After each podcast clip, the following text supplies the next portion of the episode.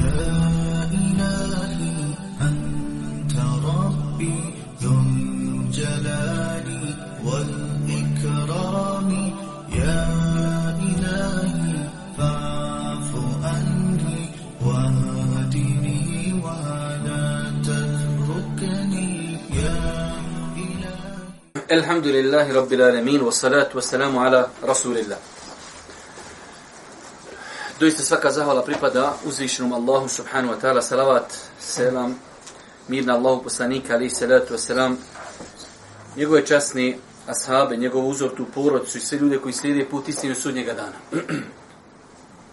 Braću moja draga, četvrtak, naš stalni termin, naše čitaonici, sada trenutno od Akšama do Jaci, gdje čitamo razne knjige, trenutno čitamo knjigu, komentar 40 Hadisa imama Nevevija, od naših uvaženih šihova, šiha Osmana i šiha Irudina. Došli smo do 28. hadisa, jedan veoma, veoma interesantan i bitan hadis. Vidjet ćemo kada dođemo do komentara da ovaj hadis islamski učenjaci smatraju temeljom i osnovom u nekoliko različitih poglavlja. poglavlja. Pa ste kad imate jedan hadis i on je temelj za jedno poglavlje, to je nešto bitno. Ali kad imate jedan hadis, da je osnovica i poglavlje, znači temelj za više poglavlja, onda to zasigurno ukazuje na vrijednost tog hadisa. Ovaj hadis e, bilježi imam Ebu Dawud i Termizija. Inšala vidjet ćemo e, da li ćemo čitati, ali znači hadis je inšala bizna vjerodostojan. Od Ebu Neđiha Irbada ibn Sarije radijallahu ta'ala mu se prenosi da je rekao Održao nam je Allahu poslanik alihi salatu wasalam vaz od kojih su srca zadrtala i oči se orosile suzama jedne prilike, znači Allah poslanik, ali se letu veselam, ashabima je držao vaz, ali je taj vaz bio emotivan.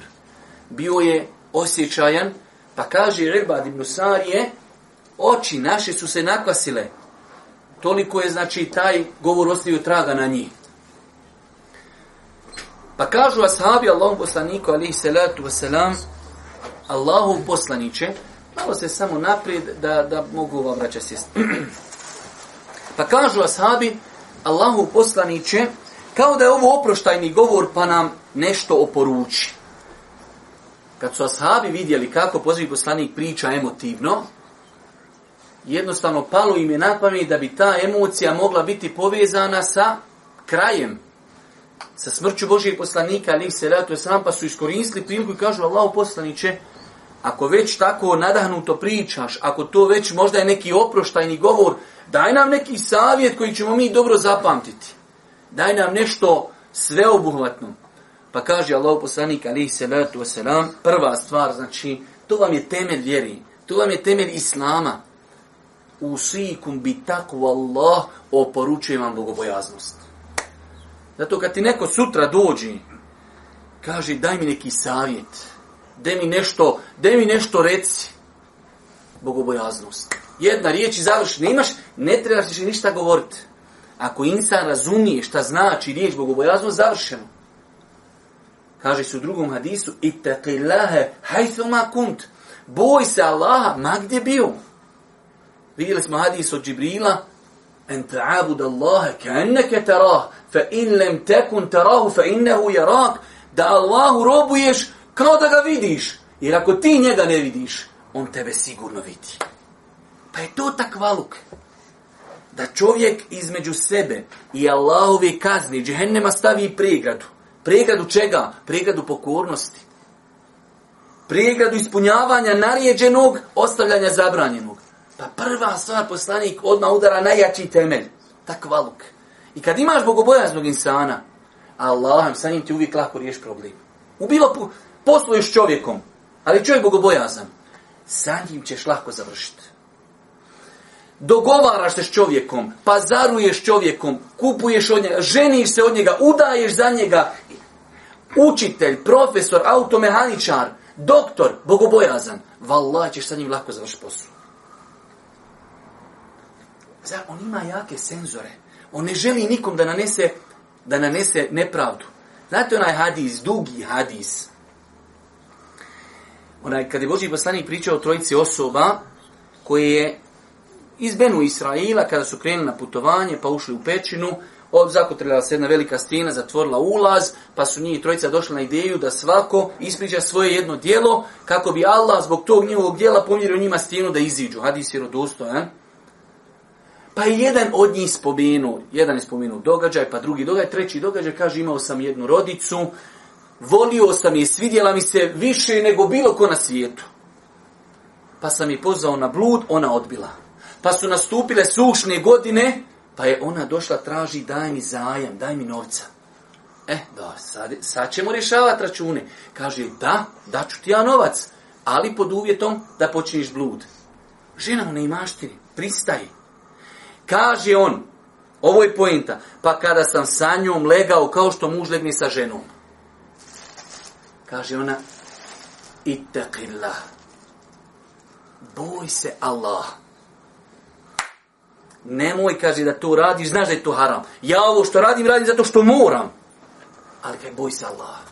Kaže, prinosio se spreda i te, on, pa sam je, kaže, spominje on o sebi, o gospodaru, pa sam je ostavio, napustio, bila mi je draža od cijelog dunjalka i ostavio sam one pare ako sam to, kaže, uradio gospodar, radi tebe, daj da se stina pomiri. Pa se stina pomirila, pa su izišli.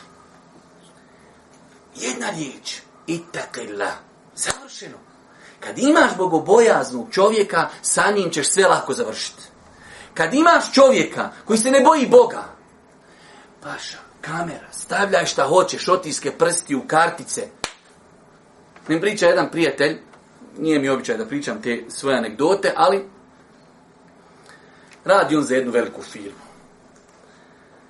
Pa je ta njega firma poslala u jedan daleki grad, da evo sam ćemo reći da je u Hercegovini, u ispostavu te njove firme, jer su oni primijetili da tu nešto neštima. Kaže meni taj brat priča, kaže, Allah mi še, da ti vidiš kako ljudi kradu. Znači to, pa to filmovi ne znaju to šeitanov šeitan došapne šeitanu da on tamo opet onom i došapne da ukrade tako. Kako ljudi, kad, paz ja kaže, taj posao radim više od deset godina. Znam sve moguće verzije kako se može ukrasti. Ali sam tu naučio verzije koje nikad u životu nisam vidio. Kad se čovjek ne boji, kamere su tu postavljene, nadzori, otisi prsti u kartice, u potpisi, ali opet se ukrade. I to ne ukrade malo, to se ukrade dobro napuni se džep. Zašto? Nema, nema nadzora. Pa Boži poslanik postavlja temelj. Bud se ljudi u životu Allaha. Budete se bojali Allaha i dunjalki ahiret imate. Pa nastavlja Allah poslanik ali se letu se nam kaže uporučujem vam bogobojaznost prema uzvišnom Allahu. Druga stvar, imamo prva stvar, Islam rješava je pitanje tebe prema gospodaru. Drugo pitanje jeste tvoj odnos prema onome ko ti je nadređen. I budite, kaže, pokorni nadređenima, makar vam bio nadređen rob. Dođe situacija, tebi je rob vojskovođa, tebi je rob prijesednik države, tebi je rob neko ko ti je nadređen. Rob! Pokornost. Sve dok ti ne naredi nešto što je haram, zabranjeno. Pa kaže Allahu poslanik alaihi salatu wasalam, zaista, ko poživi od vas, vidjet će mnogo razilaženja. Ko poživi od vas, vidjet će mnogo razilaženja. I ovo je, e, opet koji prošli put navodimo, ovo je mu'điza, ovo je dokaz istinutosti Božijeg poslanika. On kaže ashabima, ko od vas poživi, vidjet će razilaženja. Da li su ashabi koji su ostali živi posle poslanika vidjeli razilaženja? I znate kako se desila, mi nećemo o tome pričat, iako se o tome može pričat, e, glasno i jasno, ali kako se desila dešavanje između Alije, između Mavi, između Aiše i tako dalje. Glave lete. Glave letele. Bitke se bore, vodile. Kaže Boži postanik njima, ko od vas poživi, vidjet će velika razilaženja. Šta mislite nakon 1400 godina? Vidite kakav je hal ummeta danas neko je dole otišao onim Arapima, cijelom islamskom svijetu uzeo trokut i ovako 17 granice države. Evo ga, Egipat, ovo je Libija, ovo je Sirija, ovo je ovako, ovo je onako. Kad god mu nešto zatraka, je više ova crta, ovi s vama uzeli po dulma zemlji. Jesu li? Daj odma oružje, daj odma ubijaj. I nije vazda zavađeni muslimani. Vazda podijeljeni. Pa kaže Allah poslanik alih salatu selam zaista ko poživi od vas, vidjet će mnogo razilaženja. Dobro, je li bio takav poslanik da nagovijesti problem da ne dade za njega rješenje? Jok. I to je sunnet. I to je, to je e, pronicljivost. Nemojte ljudima samo haram, haram, haram, haram i meni je bitno sam rekao da je haram. Kuću! Daj mi rješenje! Ha, ne mogu ovo, šta mogu? Može ovo. Ne mogu ovako, kako? Može ovako. Pa Boži poslanik daje rješenje, nagovijestio je razilaženje. Problem, razilaženje nije nikako hajr. Kaže Allah poslanik, ali se letu selam, pa se privatite moga sunneta. Aleikum bi sunneti. Sad ovo je, ko zna arapski jezik, jedna posebna fraza. Nije Allah poslanik rekao, temeste ko bi sunnet, držite se. Ne, ne, aleikum bi sunneti. Jedan poseban nivo upozorenja. Jedan poseban nivo naredbi. Aleikum bi sunneti. Držite se mog sunneta, pod jedan. Kad nastupi vrijeme smutnje, držite se sunneta. Šta mislite koliko je danas potrebno se držati sunneta? ako je Boži poslanik ashabima rekao kada vidite smutnju, držite se sunneta. Šta mislite koliko se mi danas državamo držati sunneta? Pa kaže Allah poslanik, i držite se sunneta mojih pravednih halifa, Ebu Bekr, Osman, Alija i Omar, četvorica. Držite se njihovog sunneta, adu alija bin nevađiv, toliko čvrsto se kaže, držite, stisnite to zubima, Lako, znači, jedan slikovit primjer koliko čovjek u vremenu smutnije treba se čuvati sunneta. Ovdje kad kažemo sunnet, braću madra, ne pomisli neko e, da je to jedna uska verzija sunneta, I jest to sunnet, ali pet, šest stvari koje mi znamo na broja da su sunneti dizanje ruku, ami, micanje prsta i to. Ne, sunnet generalno, sunnet u porodici, sunnet prema babi, sunnet prema komšiji, sunnet prema ilmu, sunnet prema gospodaru, sunnet u ibadetu, sunnet u ahlaku, sunnet u poštenju. E, takav sunnet. Pa ja se držim stvarno, naučio sam pet sunneta, opet neki musibeti me non stop šamaraju. Paša, preusko je to za tebe, malo ljevak, moraš okrenuti s druge strane, da malo progledaš. Aleikum kaže, aleikum sunneti, to je to, samo ovo. Dete, malo od, otvori, otvori, otvori. Pa kaže, držite se sunneta pra, e, pravovjernih i u vjeri iskrenih halifa nakon mene. Čvrsto se držite toga poput kutnjacima. Jedno rješenje. Držite se sunneta u vremenu smutnje držite se sunneta halifa. Drugo rješenje. Kaže Allah poslanik, i jakum, opet poseban način u arapskom jeziku, oni koji znaju arapski jezik, i jakum. U arapskom kao što nekom nešto zabranti, zapirkaš, i jake. Hoćeš, sad lupam, vidio si nekog na ulici i nešto, no hoćem kaj, halo, zadnji put, i jake, da to ponoviš. To, najveća prijetnja je sa i jake. Kaj poslani, i jakum, volimo desatul umur. Nije rekao, ostavite novotarije, ne, žestoko, pazite se dobro, novotarija. Zašto? Upita Allah poslanik odgovara i kaže, jer je svaka novotarija zavluda. Kulle bid'atin dalale. Onaj koji ne govori po hiru svome, Muhammed a.s., čovjek koji je govorio najbolje književni arapski jezik, kaže svaka novotarija je dalale. Pa ovo, braću moja draga, jedan veliki, veliki hadis.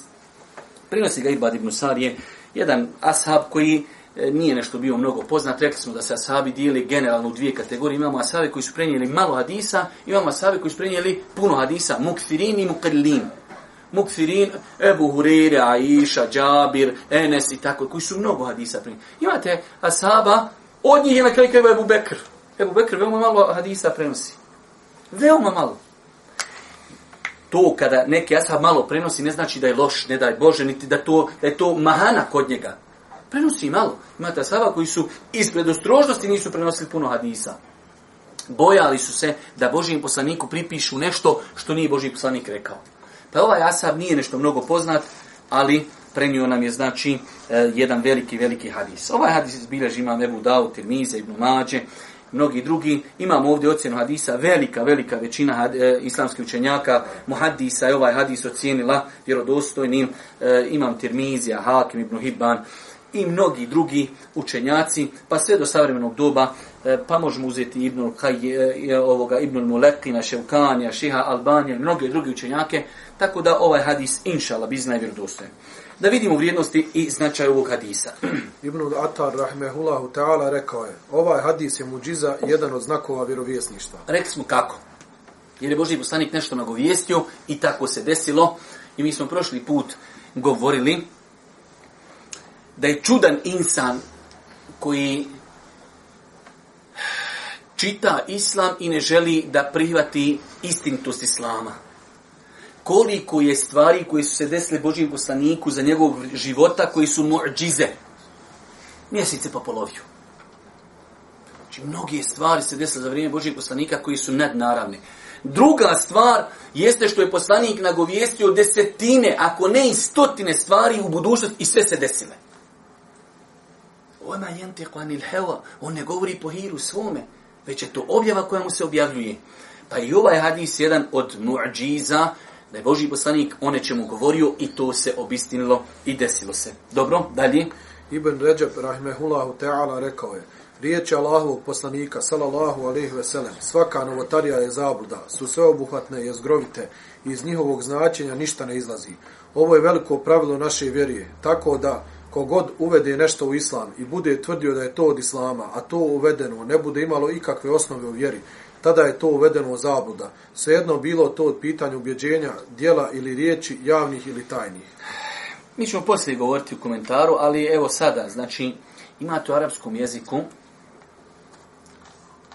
načine i metode. Mi kada smo učili usuli fik, jedan veliki predmet u islamu, pa se između ostalog obrađuju termini u islamu. Pa imate termini, riječi koje označavaju općenitost. Veoma je bitno poznavati ove stvari da bi čovjek na osnovu toga gradio propise islama. Pa kad učiš propise, kad učiš termine koji označavaju općenitost, jedan od tih termina je kullu, sve. Iz njega ne izlazi ništa. Boži poslanik ovdje kaže kullu bid'atin dalal. Sve novotarije su zabluda. Boži poslanik alihi salatu se vidite da je znao da je znao šta će se desiti. Mogao je reći nakon toga klauzula, ali imaju neke stvari koje su mogu. Ne. El jeume ekmeltu lekum dinekum. Allah Đelšanu među zadnjim ajetima, ponekima je tu i zadnji ajet, iako je jako mišljenje da to nije zadnji ajet, ali među zadnjim ajetima objavljen Božijem poslaniku, danas sam vam vjeru vašu upotpunio. Vjera potpuna. Znam se da imaš sad čašu vodi, naspiješ je ovako do vrha. Puna. I ti sad kapniš jednu kap. Šta će se desiti? Mora nešto izići, nemoguće, puna čaša, puna. Čovjek je nalio do vrha. Šta misliš, rođo, kad odvrneš česmu? to izlazi, čoveče. Vjera potpuna. Boži poslani kaže, sve su novotarije dalalet zabuda. Znači, kad imaš nešto puno, potpuno, savršeno, šta god dodaš, mora nešto izići. Pa kad dodaješ novotarije, mora izići originalnog islama. Definitivno. Pa i Ibn Ređep, rahmetullahi alihi, E, pojašnjava tu značenje kullu bida, svaka, novot, svaka novotarija je zabluda. Dobro, hadis sadrži? Hadis sadrži u sebi veličanstvenu sveobuhvatnu oporuku. U njoj je vjerovjesnik sallallahu alejhi ve sellem oporučio bogobojaznost, poslušnost vođi, čvrsto pridržavanje za sunet i upozorio na novine u vjeri. Ovo su mnogo, pit, mnogo, mnogo bitna pitanja zbog koji islamski umet ako ih se bude držao, postiće sreću i na dunjalku i na ahiretu. Mm -hmm. Da vidimo. Hadis potvrđuje mnoge temelje naše vjere i islama. Pod jedan, osnova je u vazu i savjetu. Osnova je u vazu i sam vidio ste kaži da neko dođe i nekada je zamislio kaži Halo, šta znači sjedi ders držati tu? Mi kajemo, ne, ne, poslanik je držao dersove. Jer šta kaže Irbad Musarije? Wa'avana, Boži poslanik je s nama sjedio, držao nam vaz. Pa se desilo tako i tako. Pa znači, E, kad hoćeš da dokažeš da u islamu postoje vazovi, to je ovaj hadis. Dobro, dalje. Po dva, osnova je prilikom ostavljanja oporuke. Sabi kažu, de nam nešto oporuči. Danas imate e, dosta puta u arapskom svijetu, kada se ljudi zatrefi kod nekog učenjaka, kažu mu, daj nas, posavjetuj nas. Pa čovjek kaže, e, savjetuj nas 1, 2, 3, 4, 5. Pa da neko dođe kaže, a dobro, otkud vama to da vas neko savjetuje? Kako su asabi tražili od Božih poslanika, ali i se redatu osram. Dalje. Osnova je u pokoravanju nadređenom. Spomenuli smo. Osnova je kod govora o pokuđenosti razilaženja. Boži poslani kaže, desit će se da će se ljudi razići. Nije to spomenuo u pohvalnom kontekstu. Pa se znači ovaj hadis uzima kao temelj da je pokuđeno razilaženje. Dalje. Osnova je kod govora o pokuđenosti novotarije. Ovo je možda najveća osnova kada god vidite knjigu koja je napisana u novotarijama, kada god čujete neko govori o novotarijama, skoro pa nemoguće se ne vrati na dva hadisa. Jedan smo mi već imali koji broj na početku. Men ahdete fi emrina hada ma lejse minhu fehu red broj pet hadis ko uvede nešto u našu vjeru što nije od nje, bit ćemo odbijeno. To je jedan temeljni hadis za novotarije i ovaj. Kad ova dva hadisa uzmeš i spojiš ih, ne treba ti više niko ništa pričati o novotarijama. Dobro? Dobro. Broj šest, osnova je za pridržavanje za sunnet. Kad god neko priča od pridržavanja za sunnet, mora se vraćati na ovaj hadis. Aleikum bi sunneti, čvrsto se držite mog sunneta. Pa je ovaj hadis objedinio pet, šest velikih univerzalnih poruka. Dobro, e, tema hadisa skontali smo je, e, po, e, ove riječi smo inšala skontali, daj nam komentar hadisa. Hadis nam spominje vas, savjet Allahovog poslanika, salallahu alaihi veselem kojeg je uputio svojim ashabima jednog jutra poslije sabah namaza. Inače, vjerovjesnik sallallahu alejhi ve sellem uobičavao je okupiti svoje ashabe te im uputi prigodan vaz, govor, savjetujući ih na dobro i upozoravajući na loše. To bi radio odazivajući se riječima uzvišenog Allaha. Opomeni ih i uputi im za njihove duše dirljiv govor. Wa'idhum, wa'idhum. Ovdje vidite ova riječ, wa'idh, wa'idh od vaz. I daj im govor, o, o, upozori ih, znači, odnosno obrati im se sa gorom. Dobro, u ovom... U ovom savjetu vjerovjesnik salallahu alaihi veselem podstaknuo je svoje ashabe da se drže džemata muslimana i upozorio ih na razilaženje i cijepanje jedinstva muslimana. Ukazao im je da će ih držati na okupu bogobojaznost i pokoravanje svome vođi jer je to od njegovog suneta i suneta njegove pravednih nasljednika, a da će ih podijeliti novine u vjeri. Zato je strogo upozorio na inovaciju u vjeri, rekavši da je svaka novina u vjeri zabuda. Mi smo o tom i govorili prošli put kad smo govorili tamo u komentaru prvi put. Ja sam o tom i čak i pisao, ali eto nima smetnja se nekad neke stvari ponovi. Nekada ljudi odrastu u datom momentu nekom podneblju gdje imaju neke uvedene stvari novotarije. I onda se pojavi neko ko to negira, pa je to teško prihvatiti. Zato šeitan, znate kad smo ovdje nekad davno, možda prije 4-5 godina govorili, stepenovanje kako šeitan zavodi ljude. Pa prvo stvar što bi najviše volio da zavede ljude u kufr, nakon toga idu novotarije pa veliki grijesi. Novotarije su šeitanu draži od velikih grija. Pa smo rekli zašto? Zato što se od novotarija čovjek ne kaje. Čovjek to radi s ubjeđenjem da je tu ibadet. To je, Veliki grije kad čovjek radi i ti kad doješ čovjeku alkoholičaru.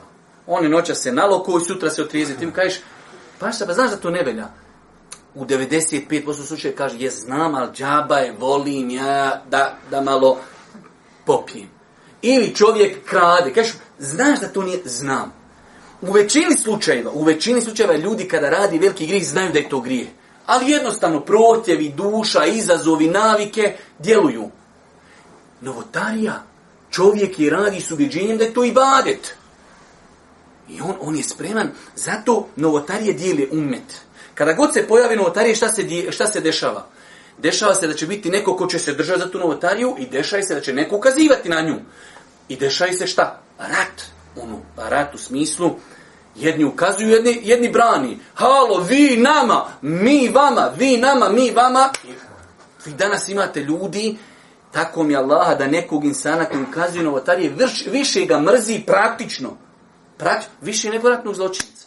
On ratnog zločinica ga vidi na TV-u, ništa ono. Normal. Vidi nekog koje juče nešto ukazivo na nešto lo. E, uzu bilo. U njega odmah kosa raste, dlake, nokti, sve živo. Naježi se. Pogledajte kolika je, koliki je otpor.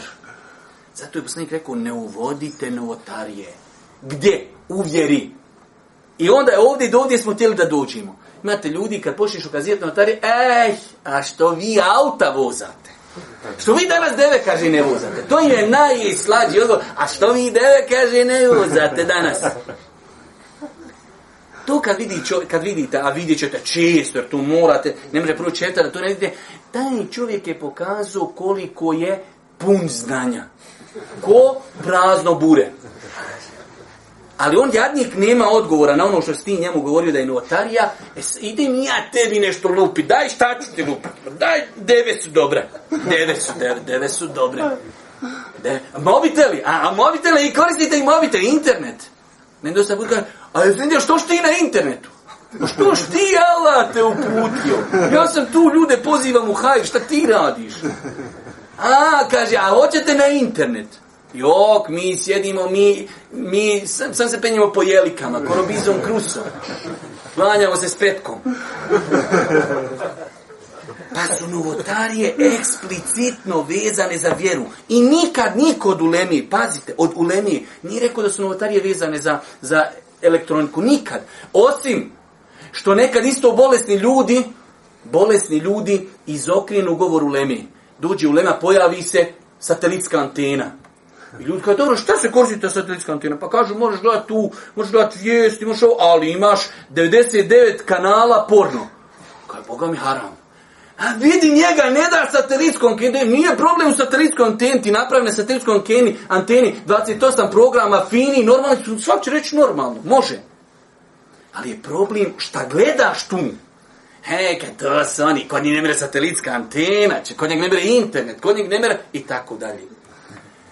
Ali opet i ta insan ne kaže da je satelitska antena novotarija, već kaže neispravno se koristi.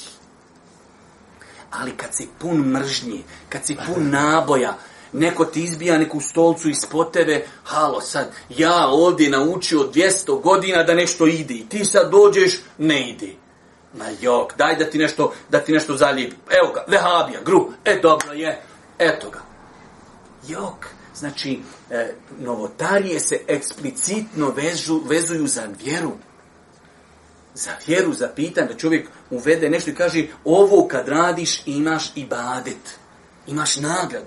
Da neko kaže, ako imaš novitel, imaš nagradu. Pa šta svi kaže, pazi, to je šetan koji stoji u džepu. I on je zamotan lancima. Ako ne budeš znao, lako se od, odkopča iz lanaca.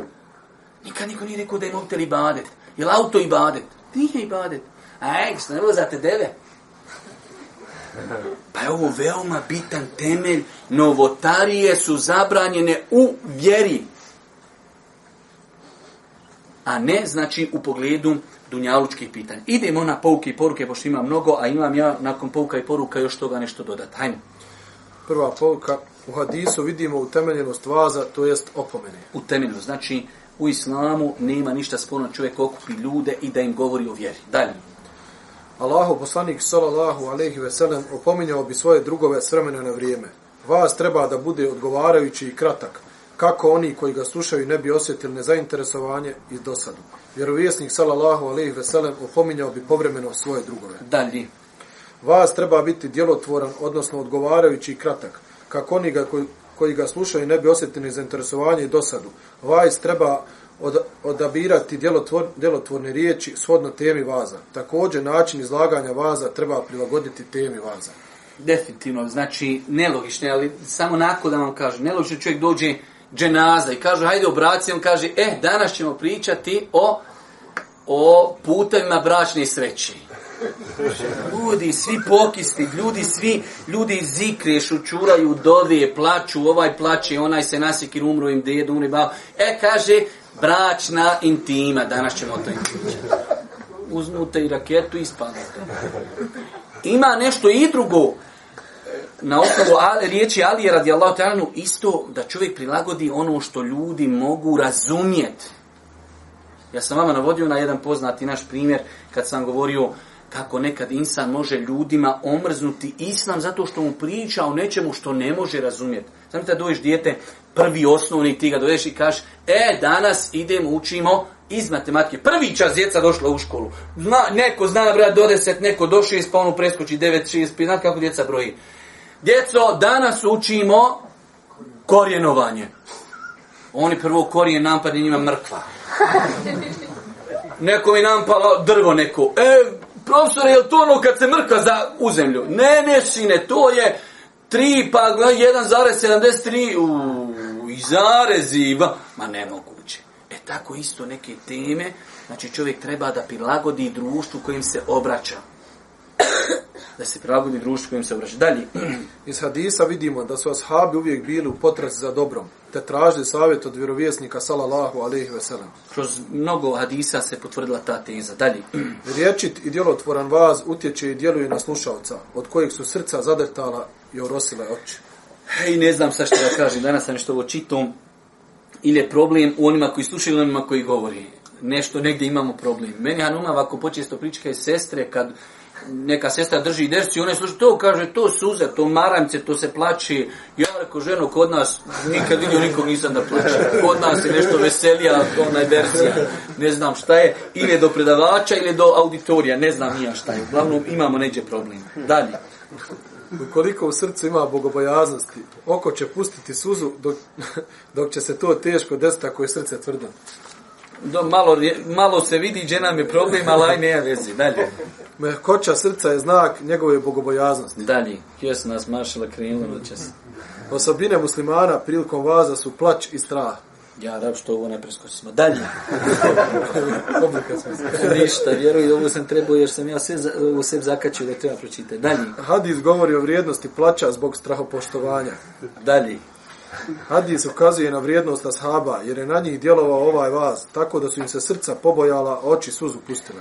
Definitivno, braćima, draga, mi imamo generalno sad jednu veliku propagandu koja se širi kako u Bosni, tako u cijelom svijetu, napad na ashabe. Mi ćemo čak ja razmišljam, štampana je prije jedno kratko vrijeme štampana jedna lijepa knjižica koja se može možda pročitati u dva, tri sila. E, vjerovanje, ispravno vjerovanje u pogledu Asava, pa što možda možda ovdje i pročitati zbog bitnosti toga. Nekada neki ljudi upadnu u neke e, zamke koje Rafidije šije serviraju ljudima i ne osjeti. Pa ljudi počnu ono lagano, zna, lagano o Ebu Hureiri, lagano ovom i lagano onom i. E, ova sama se smije šta pričati negativno. Ne, ne smije, ne smije, ne smije. Ma, ba, znaš šta je viva? Ne smije! Moraš primati, ne mereš. Niz, niz bistriki dole skoči na glavu miljacku. Vako je kod nas. Ne smije se negativno njima priđati. Ne smije. Ti vidiš sad čovjek prije 16 dana pošao klanjat, ali je napušio se tamo neki dima nekog perzijskog.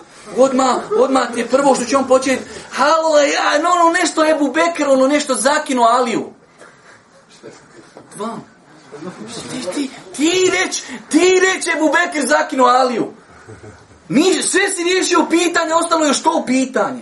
Tako mi je la, ljudi na internetu pošao klanjati prije tri mjeseca, na, nadrogirao se te, te šiše tamo perzijske. E, Bubekir i Omer, znaš, ma je sve to tako ga, ali...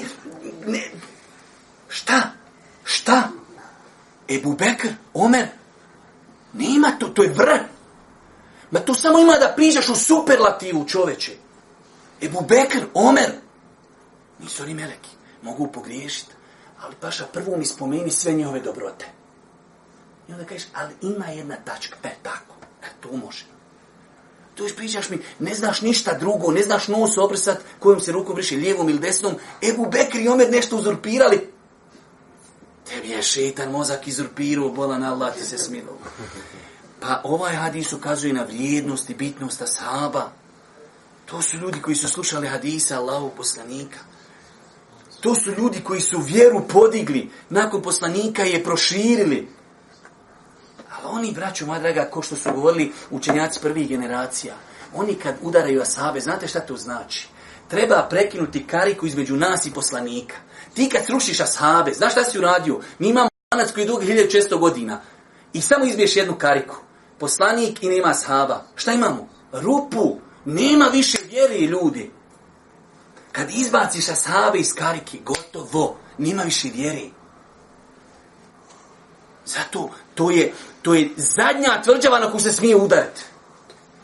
Pezi, cafe, tova, onaj, udri koliko hoćeš. A sahabi, to su oči. Ne smiješ tu dirati.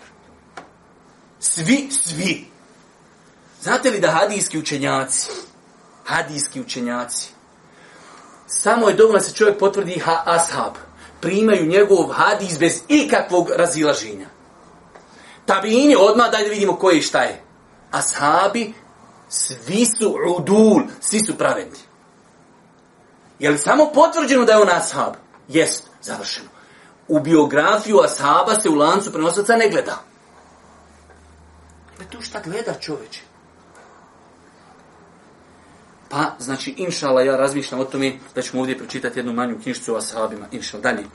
Vaz onoga koji se oprašta, biva riječit i djelotvoren, jer vaiz ne ostaje kod svoga naroda pa da im ponavlja vaz. Zato se oporuke na rastanku ne zaboravljaju. Jasno, dalje.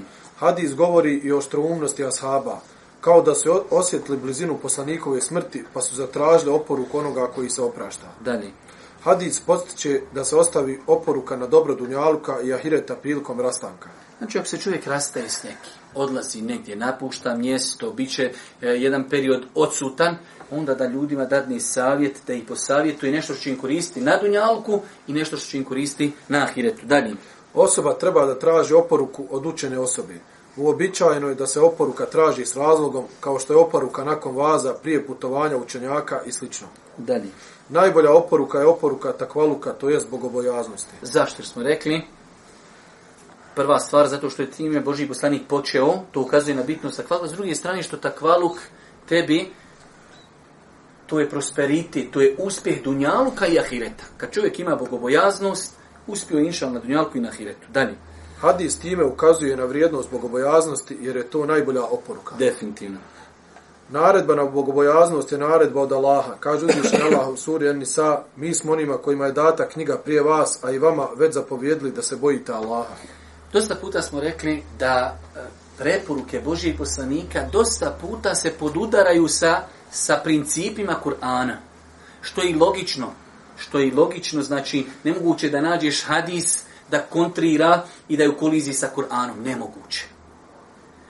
Pa vidite, znači Božiji poslanik nešto poručio, s druge strane to u Kur'anu imamo jasno, mi smo poručili i vama i onima prije vas.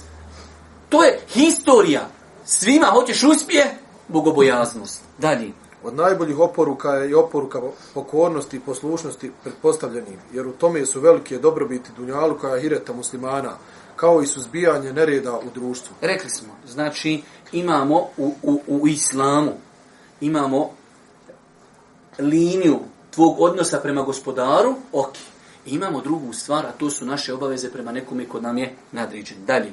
Naredba poslušnosti vladarima je također Allahova naredba u Kur'anu. Da ne moraš čitati. Opet, znači, to što nam poslanik naredio da se pokoramo, imamo to isto u Kur'anu. Pa znači, neprestano e, imamo e, podudaranje kur'anskih principa i principa iz suneta Božih poslanika. 20. Pokornost i poslušnost je stroga obaveza Kur'anom i sunetom našim pretpostavljenim. S tim da pomenuta pokornost poslušnost mora biti shodno Allahovom šerijatu i poslaničkom sunetu. To znači da nema pokornosti stvorenju u nepokornosti stvoritelju. Također, pokornost i poslušnost pretpostavljenim ne uvjetuje se njihovom potpunom pokornošću Allah. Imamo dvije stvari. Znači, prva stvar, pokornost, pokornost je u onome što je halal. Isto, isto sa roteljima. Rotelj kad ti naredi nešto što je halal, ispunjaj, ne pitaj šta je. Ali kad ti naredi haram, kako ćeš ti to sa njim sred, to je druga stvar, ali nema pokornosti ne, e, stvorenjima u nepokornosti Allahu. To je jedna stvar kada je u pitanju čovjekov odnos prema nadređenim. Imamo drugu stvar, a to je ako nadređeni ima nekih svojih aferima, to je između njega i Allaha. U više hadisa Boži poslanik kaže, ako oni čak vas i zakinu, to je između njih i Allaha, on će odgovarati. Vi svoje ispunite. Pa znači, ne može čovjek reći, ja uvijek, ja ću biti pokoran, ali ako bude e, nadređeni, ako bude ono, ajde da kažemo, apsolutno, ne, ne, ne, ne. Makar i griješio, insan treba da bude pokoran. Dalje. Pokornost i poslušnost pretpostavljenim biva u stvarima koje o, se tiču... Preskoči, 22. Mm, Bože, slično ovom je prethodnom. Hadis nas postiče na pokornost i poslušnost pretpostavljenim, pa čak i da je rob. Vidjeli smo, znači, do koje mjeri insan kada ima nadređenog, makar bio rob, mene, interesuje, mene ne interesuje što je on rob. Mora da postoji, znači, ta hijerarhija, ja poštujem, naredio mi, ja poštujem. Da li je on porijeklom abesinac, kao što je došlo u nekim hadisima, makar bio abesinski rob, da li je rob, da li je, mene to ne interesuje. Moje je da ispunim ono što se od mene očekuje. 24. Ovaj hadis je potvrdio poslaničku muđizu riječi.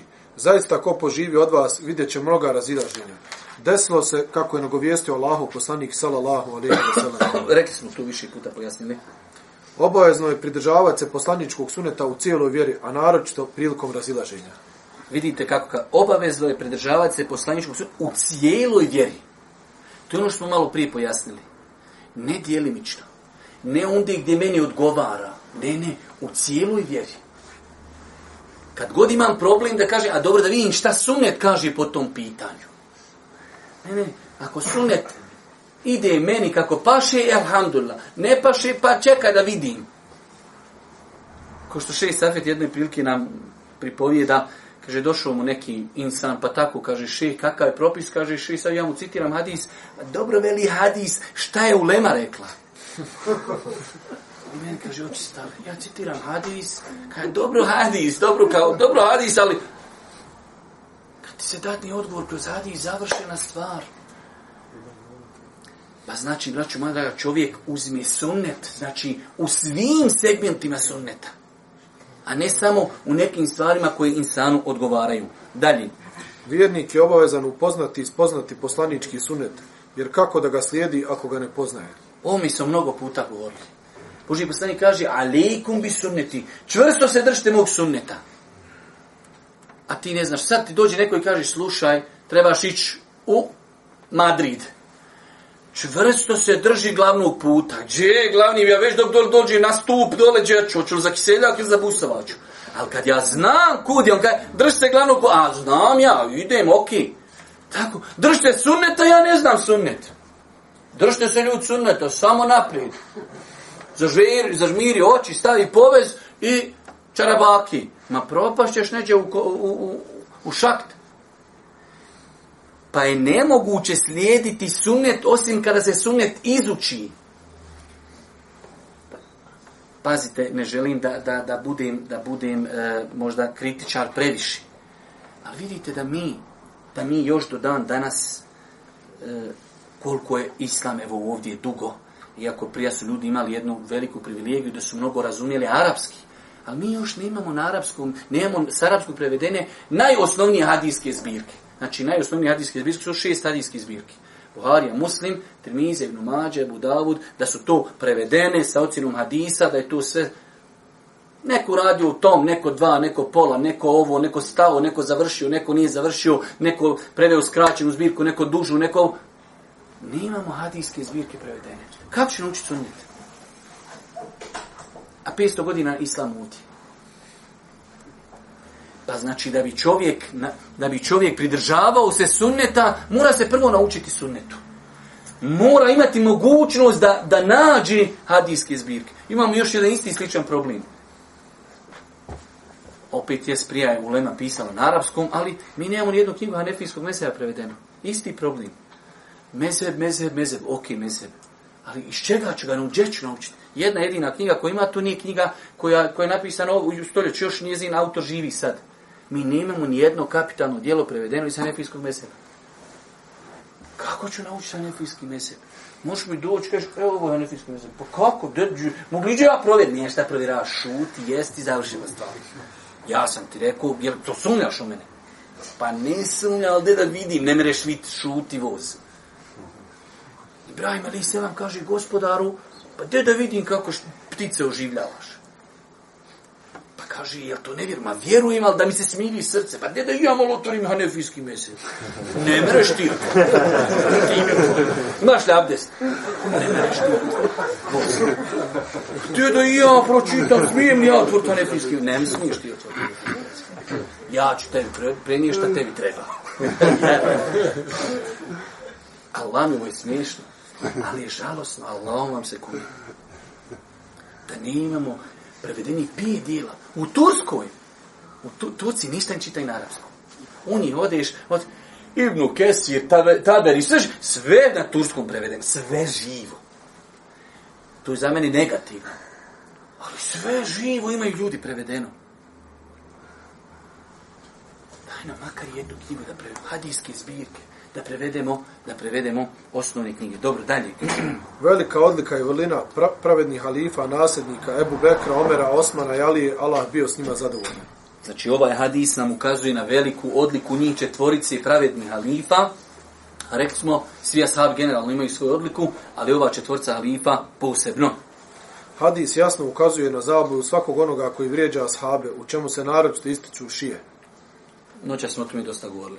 Sunet, to jest praksa pravednih poslanikovi, salallahu alaihi veselem, nasljednika se slijedi, pa se prihvate moga suneta i suneta pravovjernih i uvjeri iskrenih halifa nakon mene. Ono što je njihov sunet, to je, a to je i poslanikov, salallahu alaihi veselem, sunet, jer ga je vjerovjesnik, salallahu alaihi veselem, potvrdio i oporučio. Pazite, to kad bi čovjek, e, imate ljudi koji su bolesti. Imate ljudi zaista koji su bolesti, ali kada bi pokušali vi vidjeti dobro, E, neko ko prigovori, evo Ebu Bekr, Omer, Osman su neki kao stvarčice e, uveli. Prva stvar, imamo jasnu, jasnu naredbu, slijete ono što oni uvedu. Druga stvar, to su veoma malehan broj stvari. To je znači, ajde reknemo na prste, ruku prebrojat. Treća stvar, u većini slučajeva to su stvari iza koji stoji velika korist koje imaju neko generalno utemeljenje u vjeri. Osma radijallahu ta'lanhu za džumu uveo je drugi ezan. Zašto? Ljudi kada čuju, ljudi su se pijace tamo vam uči ezan za džumu, ljudi nisu spremni, nisu se okupali tamo vam. Osman kaže, dole, zeura mjesto u Medini, otiđe čovjek od prilike, možda sat vremena prije džume, prouči ezan da ljudima kaže, danas ljudi, ovo je džuma, nije obični dan, na vrijeme idite kući, okupajte se, došli na vrijeme na džumu. Učenje zana u islamu imali? Ima. Nije ozvan došao, e, petkom sat vremena zvono, postavite i lupajte. Jok, ezan. Ezan, da bi se ljudi upozorili na vrijeme, pošto? Zato što džuma nije ko obični namaz. Treba se okupa, treba se namirisa, treba na vrijeme doći i tako dalje. E, to su te stvari. I onda dođe neko beuće, bau, bau, bau, de šuti, Allah te uputio. Znači, prvo to je malo stvari, drugo to su stvari koje imaju utemeljenje, treće to su stvari od opće koristi. Sakupljen mushaf u jednu, u sakupljen Kur'an, znači u jedan mushaf, u jednu knjigu. I tako dalje. Dalje. Obaveza je slijediti poslanikov sunet i sunet njegovih pravednih nasljednika i pripisivati se njima prilikom razilaženja i mnoštva stranki. Dalje. Jedini spas prilikom razilaženja je potpuno pridržavanje poslanikovog salallahu alaihi veselem suneta i suneta njegovih pravednih nasljednika. O tome smo govorili, znači kad nastupi vrijeme smutnje izazova razilaženja, onda je najbolji, ok, hajmo se postaviti neko pravilo, različili smo, gdje ćemo se vratiti? Hajmo se vratiti na sunet. Pazite, mnoge stvari mi gledamo mnogo uže nek što one jesu. Imate, mogu vam ja sad malo navesti jednu stvar, a ne bi ispašće da se ja nešto sam sebe pravdam, naupade mi sad. Kad neko kaže klanja po sunnetu, kao onaj kod drugačije klanja nije po sunnetu. Mi preusko gledamo sunnet, dosta puta preusko. Ovo, ovo je moja verzija, ja klanjam, dižim ruke, ali neko ko ne diže ruke, i taj namaz generalno, Šta je? Po sunnetu, sto posto. 99% stvari isti. I ruku, i sežda, i sve. Samo neće ruke, ovaj klanje po sunnetu, ovaj ne klanje po sunnetu. Po čemu ovaj klanje? Po tevratu. Pa dosta puta naše preferirajuće mišljenje, to je sunnet. Ne, ne, ne, ne, braću. Moramo malo šire gledati na sunnet, pogotovo kad su u pitanju mesele ičtihada, gdje se ulema razišla, gdje su u pitanju mezebi, tu mora biti tolerancije. Pa da ne ispadne čovjek, pridržajem se ja nečega, svi koji se toga ne pridržavaju, ne, ne, ne, ne. Znači, moramo mnogo šire gledati na ta pitanja. Pogotovo kad su u pitanju fikska, pravna razilaženja. Tu, braću moja draga, hadisi e, mogu se shvatiti derogirani, derogirajući, opći i tako dalje. Tada čovjek treba da pazi, da, da ne uzme onku neku zastavu. Ja, samo sunnet. Imate sad dole bolest u skoro svakoj državici u arapskom svijetu dole. Imate jednu grupu koja samo smo mi na sunnetu. I svaki dan sam režu. E, vi, vi više niste na sunnetu. Mi smo nas, vi više, taj še više nije na sunnetu. Mi smo samo sunnet. Mi smo ahli sunnet. Šta su ostali? Međusje. Polako, polako, polako. Pa čovjek treba na ta pitanja gledati mnogo širi. Dobro, dalje. Hadis nas postiče na potpuno pridržavanje vjerovjesnikovog sallallahu alejhi ve sellem suneta i suneta njegovih pravednih nasljednika. Pa ga se čvrsto držite poput kutnjacima, to jest toliko čvrsto da vam se ne izmakne i udalji od vas. Znači hadis ne ukazuje samo da se držimo suneta, da se čvrsto držimo suneta.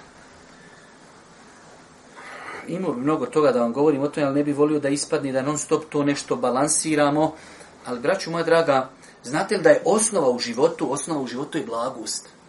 Pa onaj ko hoće da slijedi sunet, treba da bude uvijek blag, uvijek nasmijan, uvijek vesel. Pa zato kad mi dosta puta e, dobro namjerno definitivno, dobro namjerno definitivno sunet mnogo, mnogo usko gledamo. Naš odnos prema ljudima, e, govor, ponašanje, izrazi. A sahabi kažu, ma kanem ne biju fahišen. Boži poslanik nije imao vulgarni izraz. Imaš nešto kod nas koji sunnet, sunnet, sunnet, kad vidiš tamo na, na Facebooku, kad taj lik počne e, brisat patos. Halo, gdje je tu sunnet? E, meni je sunnet kako ga ja vidim. Daleko od sunneta, to je daleko od sunneta. Pa sunnet moramo gledati mnogo širi nego što ga nekad, nekad određene osobe gledaju. Dalje. Hadis upozorava na novotarije u vjeri. Poslanikovi sallallahu alaihi ve sellem hadisi u kojima se spominje uvođenje lijepog suneta mogu se protumačiti na sljedeće načine. Pod A.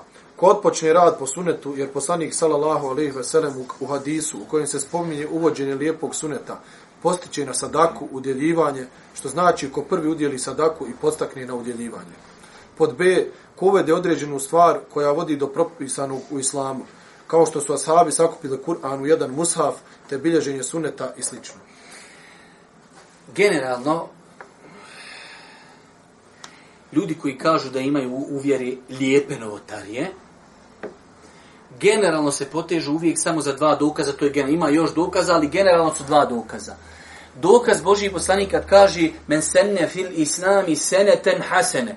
Ko islamu, ovako ćemo prevesti, ali prevodi se oživi. Ali ono je, ko u islamu uvede lijep sunnet, imat će nagradu svih oni koji ga slijedi. To je glavni dokaz da ima da imaju lijepe novotarije. Braćo, moja draga, prva stvar moramo, kad hoćemo u islamu donijeti neku odluku, moramo sve hadise određene teme skopiti na jedno mjesto. Rekli smo da su se sekte kroz historiju javljale zato što uzmu dio hadisa i mi ostalo ne znamo. Mi ovoga se držimo. Korektni la ila ila uče u dženne. Radiš tako, sam vići la ila ila Ma radiš, nema ništa. Jesi rekao la ila ila? Jesam, paša. Ko je Bubekr, kaže? Nivu mu je Bubekr, džennet, džibril. Poslanik je rekao, korektni la ila ila uče u dženne. I stvarno jes poslanik to rekao. A šta ćemo sa drugim hadisima? Pa isto i ovaj hadis. Evo, Boži poslanik je rekao koji, koji islamu oživi jedan sunnet. Dobro, prva stvar, imamo drugi hadis koji je toliko jasan. Svaka novotarija je zabluda. Ne može se nikako tumačiti. Ovaj hadis, prvo sad vidimo njegov povod. Njegov povod je došli siromašni ashabi, pa Boži poslanik, kada je vidio njihov hal i stanje, pozvao je na sadaku, pa kada je vidio neke ljude koji su prvi krenuli donositi, obradu se kaže, e, ovi ljudi su sad oživjeli tu praksu davanja.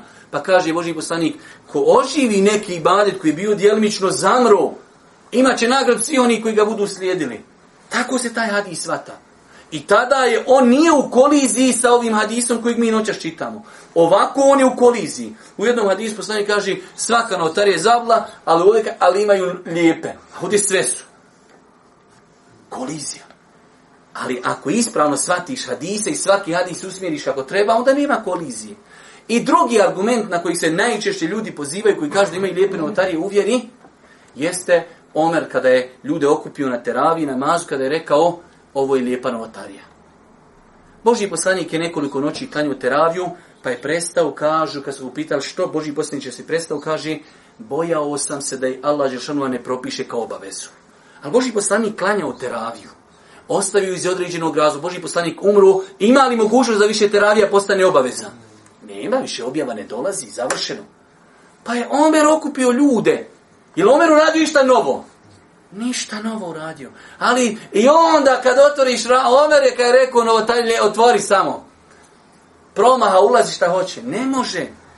Moramo hadise, moramo vjeru uzimati u kontekstu svih hadisa određeni temi. Pazite, opet, ne želeći balansirati, imate velikana umeta koji su smatrali da u islamu imaju lijepe notarije. Pa i čovjek kada reagira, opet reagira sa dozom, sa dozom respekta, shodno koje je dijelo. Imate dijelo za koje određuju činjaci kažu može, ima neku podlogu. Tu moramo biti malo, ajde da kažemo, korektni, moramo biti blaži, moramo paziti kako nas. Imate dijela koja nikad niko do nije rekao. Tu se kullu bid'atin dalale i završena stvar. Pa čovjek treba da pazi na te stvari. Dalje. Sve novotarije u vjeri su zabuda i u njima nema upute. Čak šta više, novotarije u vjeri su puko zlo. Čak da je smatra lijepom i dobrom onaj koji je uveo. Ovo smo rekli kad, ako znači imamo sva ulema, kaže ovo je novotarija definitivno. Ali ako ima hilav kod učenjaka, pa jedni kažu ovo je propisano, jedni kažu nije propisano, onda tim pitanjima treba pristupiti treba pristupiti e, sa više opriznosti. Dalje. I sad i se uviđamo da prilikom savjetovanja trebamo objediniti metode podsticanja. Čvrsto se držite i metode zastrašivanja čuvajte se. Definitivno. Znači insan kada, kada savjetuje treba koristiti nekada temu, nekada da nekog malo i zastraši. Ja znam, meni su znali Ma kaže, ti počesto u džehennemu, pa strašiš, pa galamiš, pa vaku, pa naku i tako dalje. Opet, ajmo se vrati na sunnet. Poslanik je najbolji govornik, poslanik je najbolji pedagog, poslanik je ne, i tako dalje. Ali opet ćete vidjeti poslanike spominju vatru često. Poslanik je galamiju. O, u poslanikoj hudbi kažu, zacrvenile mu se oči i lice, vratne žile, povisio bi ton da bi ga ljudi tamo na pijaci čuli. E, ovo je sad kao savremeno doba, samo tiho, nemoj molim te plao talasat, ono lagano je tu imaju pojačala, ko će ne pojača sebi. Pa od metode je nekad iza galamit nekad pukni šakom odstu, nekad i tiho i tako dalje.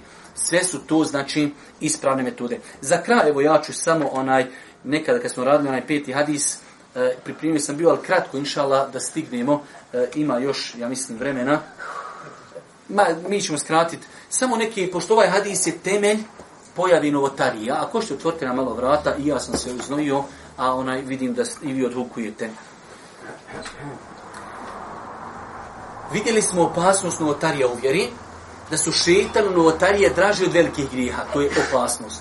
Novotarije dijeli umet, pa smo rekli, kad se pojavi novotarija, uvijek će biti neko kaže jest, neko nije. Pa je interesantno vjerniku da zna zašto nastaju novotarije. Ja sam malo čitao knjige o tome, pa ću vam spomenuti neki e, desetak možda razloga, e, možda i manje, zašto nastaju novotarije. Kako bi čovjek znao zatvarati ta vrata. Prva stvar, jedan od najveći, najvećih razloga zašto ne stojimo u neznanje. Glavni razlog, braćo moja draga, ne zašto može novotarija ući u narod? Ljudi ne imaju znanje. Kad čovjek ima znanje, zna Hasunet, zna Kur'an, zna Tefsir, zna Mezebe, ulazi nešto novo, ne, ne, ne, ne, stop, izvinite, to nema utemeljenja. Ali, e, neki su učinjaci govorili, kad hoćeš da vidiš džehl, neznanje, umeta dođi na hađu dođe ti čovjek, nađe on, on ide, uopće ne zna. I on sad vidi sve sebe nekog Pakistanca. E, veli, ja ću za njim. Kako? Pakistanac stane kod Kjabije, trlja, ma, veli, idem ja tako za njim. Ja ne znam, ali ću ja rad ko neko drugi. Ovaj ne zna i on radi ko neko drugi. A gdje je rješenje? Vidiš čovjeka sa znanjem, ide tavafi, bismillah, Allahu ekber, ode dalje, ne trlja se, ne stoji ljudi, Birvatile, kad, znate kad imamo ono dole tavaf, pa jedno vrijeme su oni bili dole u tavafu, uveli samo onu jednu dole ploču da bude crna. Kao da se zna gdje je to mjesto gdje čovjek treba podići ruku i reći Allahu Ekber. Gore staneš na treći sprat i staviš i ovako vidiš i ljudi, on paša, on, on bi gurno bagir nazad, on tu zakoči, I za njega ljudi, on ništa tu, u vodu, staniš, prolaziš, Allahu ekvar i prolaziš, ništa on zakoči i gura, on prvo gura na i njega gura od tuda masa i on prvo bitno zaustaviti. I Allah mi ozvao kad gledaš trećeg sprata linja i onda ispred linije dva metra pro, nema nikoga. Ovi stoje i on se sad zaustavi, sad se treba okrenuti prvo na kjavi, pa dova, pa za dedu, pa za ninu, pa trljace, pa bismila, pa Allah ekber, pa jesam li u žico, pa nisam. Jo, a pošla ljudi za njega čekaju, to 100, 200, 500, 1000 ljudi prazno već pazi ono, znaš kako tava fidi, već ispred njega čet pet metra prazno, ti uzgo gledaš, nema nikog. On je paše zakočio, ručnu potijego. Allah vekir, Allah vekir, Allah vekir, Allah ume, Allah ume. Paša. I onda ide ovaj došao iz Bosne, ne zna on. E veli treba mi ja kobar. I a kad naš potegne ručnu, on pobaci još kamen, još potočan. Paša, vjeruj, oni crnci kad dođu, kad poguraju, ne veš ga pomaknuti. Dok on sve ono što je pakistanac uradio, sad dok još od sebe koju doda. Ne znaj, ne znaj. Musliman dođe, zna, zna. Proći do knjigo hađu, proći do sunne. Kako je poslanik? Allahu ekber. Idemo dalje.